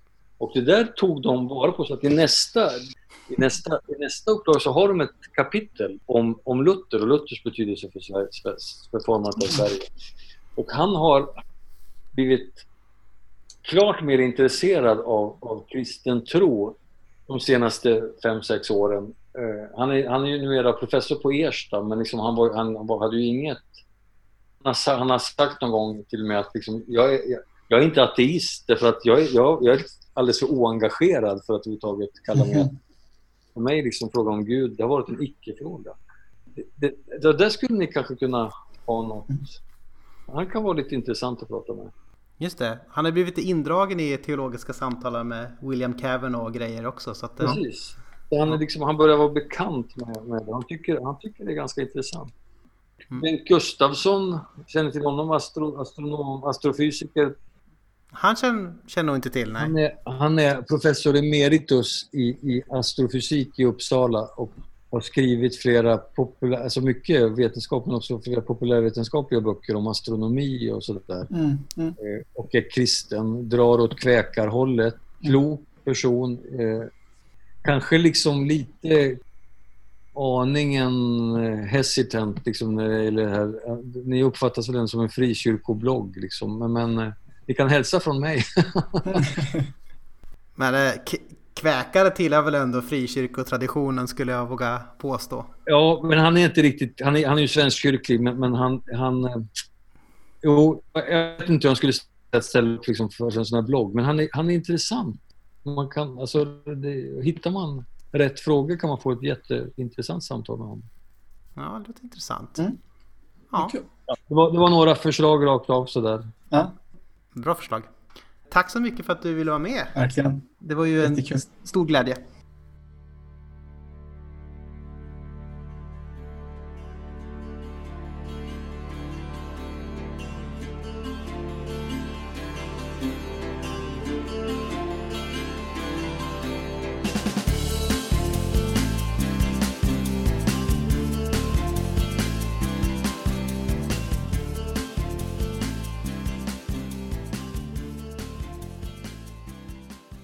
Det är dags för eftersnacks. Eftersnacksdags. Eftersnacksdags. Eh, ehm, Okej, nu kommer vi in på det faktiska eftersnacket då. Och det är ju om den här boken och om den här intervjun kanske ja. framförallt ja. med Pekka Mellagård. Vad eh, har du för tankar? Så här? Är du helt blank? Uh, ja men nästan. Mm -hmm. uh, jag är igen imponerad av, av honom och hans uh, att han kan både vara klok och ödmjuk. Eh, lite Roland Spjut-känsla mm. eh, får jag av honom. Just det. Och Roland Spjut är för de som inte känner till det den ödmjukaste mannen sedan Mose gick i kortbyxor. Exakt. Ja. Exakt. mm. Jo men det, det, finns ju såklart väldigt mycket att ta i här tänker jag. Mm. Vi har ju dels frågan om evolution som mm. man kan prata om mycket. Mm. Du har skrivit en blogg på jag det. jag har skrivit en blogg om det, ja. precis. Vad, uh, vad argumenterar du för där? Jag argument, vet inte om jag argumenterar så mycket. Mer än framlägger. Mm.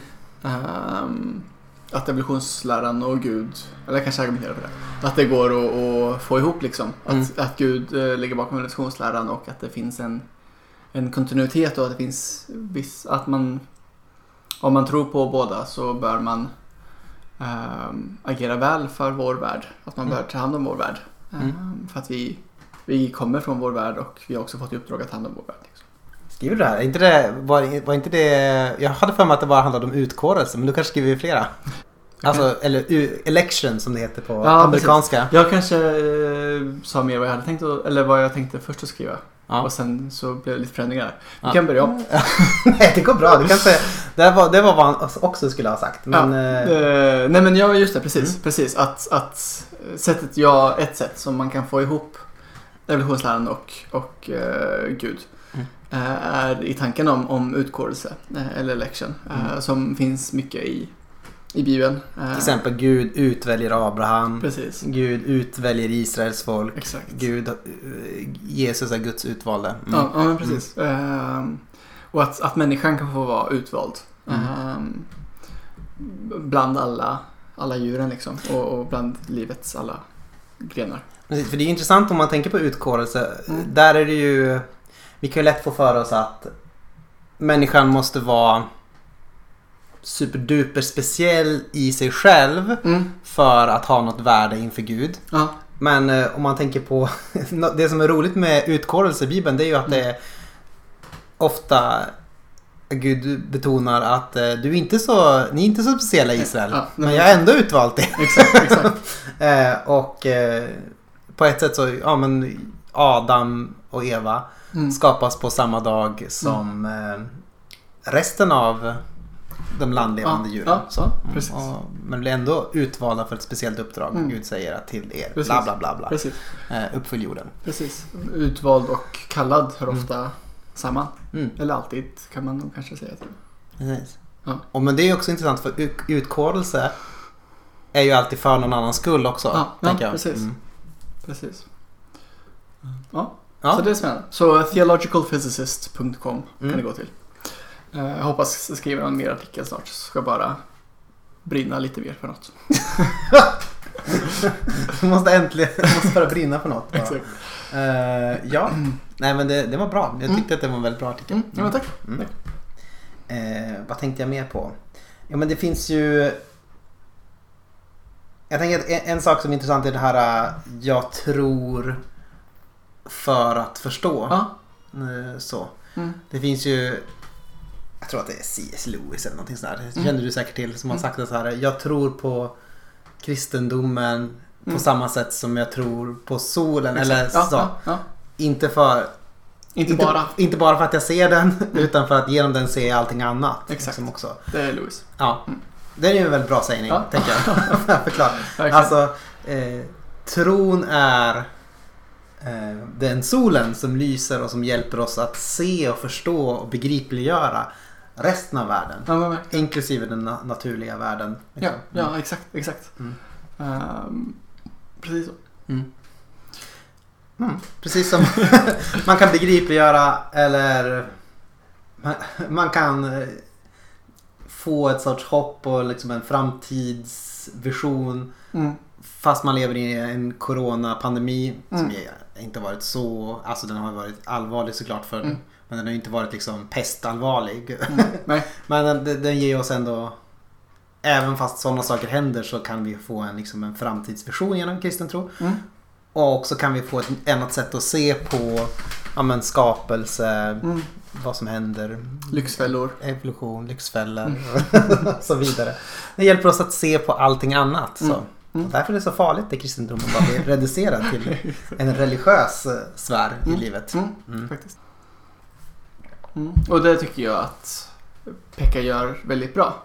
Han har till exempel ett kapitel om, om ehm, skapelsen och, och människan eh, och lägger fram, men beskriver eh, vad vi eh, liksom rent naturvetenskapligt har kommit fram till hittills om, Mm. om eh, evolutionsläran och människans uppkomst. Men, men liksom ser även det genom Guds sol. Eller Mm. tack vare Gud. Ja, vad ska jag säga. Precis. Eh, Och, och genom hela boken så, så återkommer det, även om det blir eh, många andra kapitel är kanske mer, vad ska man säga, inriktat kristna eller, eller eh, mer i en religiös sfär. Mm. Men också mycket annat. Jag tror att det är typ eh, Antje Jackelén. Nej, förlåt. Det är Sarah Coakley såklart. Men Ja. hon har ett samtal med Antje Jackelén. Vi skulle aldrig citera Antje Jackelén. hon säger någonting i stil med att ja, men, science is hermeneutics all the way down. Ja. Ja. Det Som jag har tänkt, tänkt på ibland. Alltså vetenskap är ju inte bara någonting som ger oss liksom den färdiga, så här är allting underordnade eller dö.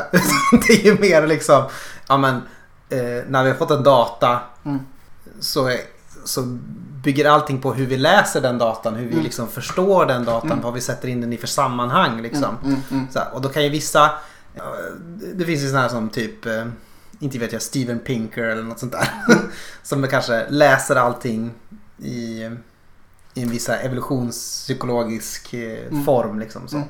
Och, eh, men det, det är ju ingenting som hindrar att man faktiskt kan läsa liksom, saker om evolutionsteorin ur liksom, ett kristet eh, perspektiv. Eller, eller fysik ens från, Mm. kan man ju läsa från ett kristet perspektiv. Mm. Inte då på och, men då liksom en skillnad om man tänker då eh, luckornas gud. Att man tänker Mm. att okej det här fattar vi inte, det är Gud. Mm. Utan liksom, ja, vi kan se allting liksom, Ja, ja. som ett gudsverk. ja Eh, precis. Mm, Inte God of the Gaps. mm. ehm, som jag tror nämns i intervjun också. Yeah, Ja. ja, yeah, Ja, yeah. ja. Lite more God of the Everything. everything. Jätte. Mycket snärtigt. Eh, precis. Mm, precis. Och då får också naturvetenskapen dess, i min åsikt, rättmätiga plats och utrymme. Mm. Eh, och, och eh, bara för att man det är mycket tolkning i, i naturvetenskapen så ska man inte nedvärdera, eller liksom det är lätt att, att tänka sig att tolkning då är inte lika på riktigt eller inte lika sant. Men Mm. så är det ju inte. Nej. Utan det, det är väldigt värdigt fortfarande och, och man bör lyssna på. Absolut, absolut. Det är bara... Men, eh, men det är bra med perspektiv. Man behöver inte liksom... ehm, Dyrka. Nej men man precis, men snarare kanske att man... eh, Alltså... eh, Man kan inte bortförklara data. Nej. Eller Nej, liksom bortförklara till exempel evolutionsteorin. Men man Mm. kan förstå den Mm, ja, eh, på ett olika ja, sätt. ja, utifrån, precis. för att det är hermeneutics all the way Ja, down. ja, ja, precis. precis. Eh, vad tänkte jag mer på? Jo, en sak. Är treenighetsläran mer Mm. sann än evolutionsteorin? Eller tvärtom? Ja, Det, var, det tycker jag är en intressant fråga. det är en väldigt intressant fråga. Ja. Ehm, Och här kommer jag med det kontroversiella påståendet att treenighetsläran är mer sann än evolutionsteorin. vill du utveckla? Nej, men jag tänker bara att det är ju liksom grunden för... Alltså det, det är ju på något sätt evolutionsteorin i sig själv förstår man ju ingenting utifrån. Nej, eller vad menar du? Jag vet inte riktigt men jag tänker typ så här att, att, att, eh, att Gud är en treenig gemenskap, kärleksfull gemenskap som ger av sig själv, eh, Mm. självutgivande. Mm. Det är liksom grundmönstret Mm. som vi kan förstå allt igenom. Just det. Eh, Ja. Och på det sättet är den mycket mer fundamental Ah, okej. än till exempel vad eh, evolutionsteorin är. Utan Mm. evolutionsteorin är bara liksom en, liksom en liten underhuggargren här borta. Mm. Men den stora sanningen som får oss att förstå de stora sammanhangen Mm. är ju Fader, Son och Ande. Just. Ja. Ja. Ja, ja, Mm. visst. Mm. Mm. Sen är du teolog också. ja, precis. Eh, så och, man må, och, och man måste liksom utgå från uppenbarelsen som ja, sagt. ja, ja, precis. Ja, men, ja, spännande. Är du, säger något lite annat där ja? Jag vet inte riktigt. Uh, dels är jag inte helt färdigtänkt Mm. kring sanning, skulle jag säga. Eller sanningskällor. Är du inte helt färdigtänkt över sanningskällor? Vad säger du? Nej, jag har ändå haft 22 år på mig och Ja. ändå inte, inte, inte, Inte tänkt, inte tänkt ut allt eh, om vilka sanningskällor som är tillförlitliga och hur man ska ranka dem mot varandra. Jag, jag ser din poäng, Mm. verkligen. Men det är just... Jag, Du kanske jag, tänker att den är mer allmänt tillgänglig evolutionsteori? Ja, precis, Mm. precis. Och, och, och sen, ja, då blir det hur man värderar, om man värderar tillgänglighet eller grundlighet, Fast den är väldigt... eh, djuplighet. Ja, det är Ja. sant. Men den Sen- är också väldigt tillgänglig Ja. kristen tro. Ja, jo, jo, absolut. av kyrkan. Absolut, Ja. absolut. Mm. Och den är väl intersubjektivt prövbar på något sätt. Ja. Ja, lite oklart. Ja. Jag, jag, skulle nog säga att, kanske lite kontroversiellt också, eh, i vissa kretsar i alla fall, att evolutionsläran är mer uppenbar Mm. än vad treningsläran är. Just det. Eh, treningsläran kräver... eh, Den, kräver, kräver, den kräver, en, kräver en tro. den- ja, ja, ja, en precis. specifik tro. Det är ju evolutionsläran, man måste ändå tro på att inte typ solipsism. Just det. kan Ja, liksom- man måste ändå tro att världen finns utanför mig själv. Exakt, Typ. ja men Mm. precis. Ehm, och, och på att metoderna är tillförlitliga och så. Uh, sen kan man väldigt enkelt argumentera för det tycker jag. Men, Om man inte tror på kol-14-metoden. exakt. Klassiken. Om man tror att ljusets hastighet har förändrats eller så. så Mm. Ja. Ja. men jag, och, men, där tänker jag också återigen på liksom likheterna då, om vi ska gå in på det. Då. ja. Att likheterna är ju att det här, att evolutionsteorin bygger på en återberättelse Mm. av, eh, Data. av, bio, av, av data, av, den, Mm. av en biologisk historia. Mm. Mm. Mm. Och eh, eh, treenighetsläran bygger på en återberättelse av en frälsningshistoria. Just det. Just det. På det sättet är de ju, väldigt, eh, är de ju lika Mm. varandra. På det sättet att båda är ju att vi har någon sorts tillförlitlig, att vi tror på de här eh, källorna, de som presenterade. Att vi, ehm, ja de är ju båda på något sätt, att man kan ju båda gå in i, putsa bort lite stenar Mm. i i Ancient Near East där Israel låg en gång i tiden. Eller ja, den ligger fortfarande. Och kolla lite grann på andra ja, templets Mm. stenrester. Ja, ja, Och sånt där. Eh, så på det sättet tänker jag att de, de är lite lika. Det är skillnaden där mellan om man tänker typ en lära som inte har att göra med historien. Typ buddhism. ja, just det. Just Har det. Precis, lite där. mer, man kan säga mer abstrakt. Ja, Eller- kanske man, eller inte så, i alla fall inte beroende av Inte, eh, ja, inte beroende av. historia Nej, på det nej, sättet. nej, nej, men sant. Det är både evolutionsläran Precis. och treenighetsläran. Det spelar ingen roll liksom om Bubba, Buddha har funnits, Bubba hörde jag på säga. Utan det Nej. viktiga är liksom de här principerna han har uppenbarat. Lärt. Ja. Mm. Medan i, för treenighetsläran så är det mer viktigt att Jesus har gått på jorden. Till Mm. exempel. Och kanske har sagt någonting om Gud. Ja, ja exakt. och exakt. uppenbarat något om Gud. exakt. Ja, och dött och uppstått. Mm. Ja. ja, men det är sant. Verkligen. Intressant. Mm. Jaha, det är väl den själen då? Vi, eller Ja. är vi klara? Eh, nej, men själen är intressant. Ja. Jag ser fram emot hans 600 sidors bok. Jag kan tänka mig att själen... ehm, ja, jag lutar väl lite grann åt så här, mm, emergensförståelse Mm. av själ kanske. Liksom att ja, på samma sätt som celler samarbetar Mm. och ger upphov till ett mänskligt Ja, medvetande. ja. En, någonting som är större än den enskilda cellen. Så Mm. kanske man kan säga att människan i sin relation med Gud ger upphov till någonting som är större än det enkel, enkelt fysiska. Kanske man kan Ja, kalla det ande ja. liksom. Eller något sånt där. Ja. Men sen kanske det, men det liksom är beroende av det fysiska. Ja, men kanske ja. inte... Kanske. Kanske. Ja, Kanske. Det var A theory of the spirit. eller soul. Det är så. Ja. Jag tycker alltid det är svårt att veta vilken som är vilken av de här ande och själ. Ja, vilken, vad har med vad att göra? Ja. Jag har fått någon undervisning om det. eh, När jag bodde i Schweiz och gick på lärjungaskola. Det är Just det. Mm. Eh, Själ brukar man prata om liksom tankar och grejer. Ja, själ är typ tankar och känslor. Ande är typ det som har med Gud att göra. Om jag Just fattar det. rätt.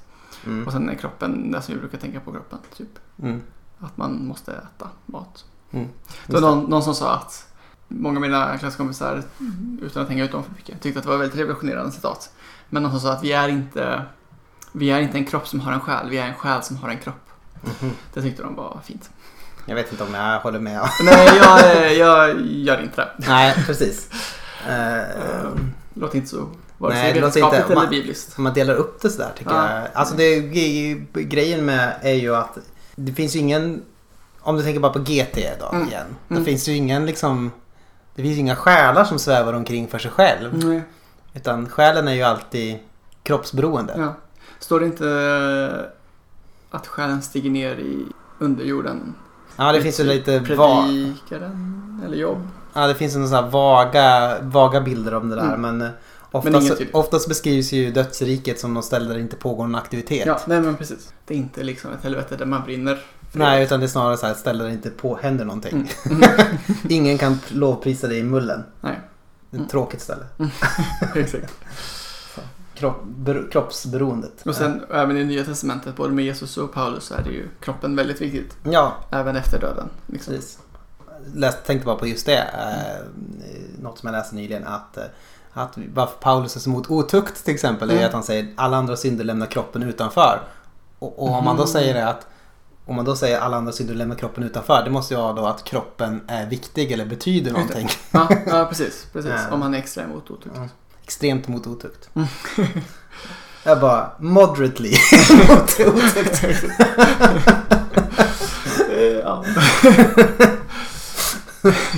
Jaha, ja, ja. Paulus är ganska moderat han. ja. Han har inga starka åsikter om någonting. Typ. Nej. Nej. Försiktig.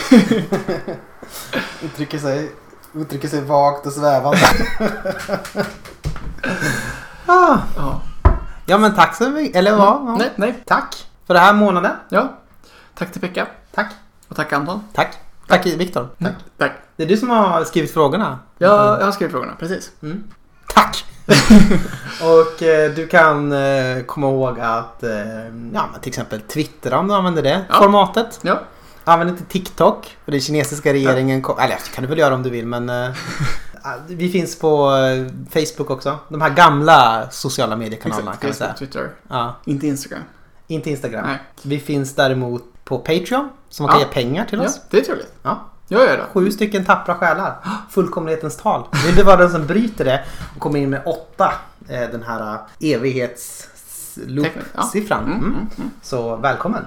Uppskattas. Sen är det väl inte så mycket mer va? Eller är det? Jag tror inte det. Nej. Säg till en vän att du lyssnar på den här podden. Ja. Okej, det var det. Ha det gött. Hej.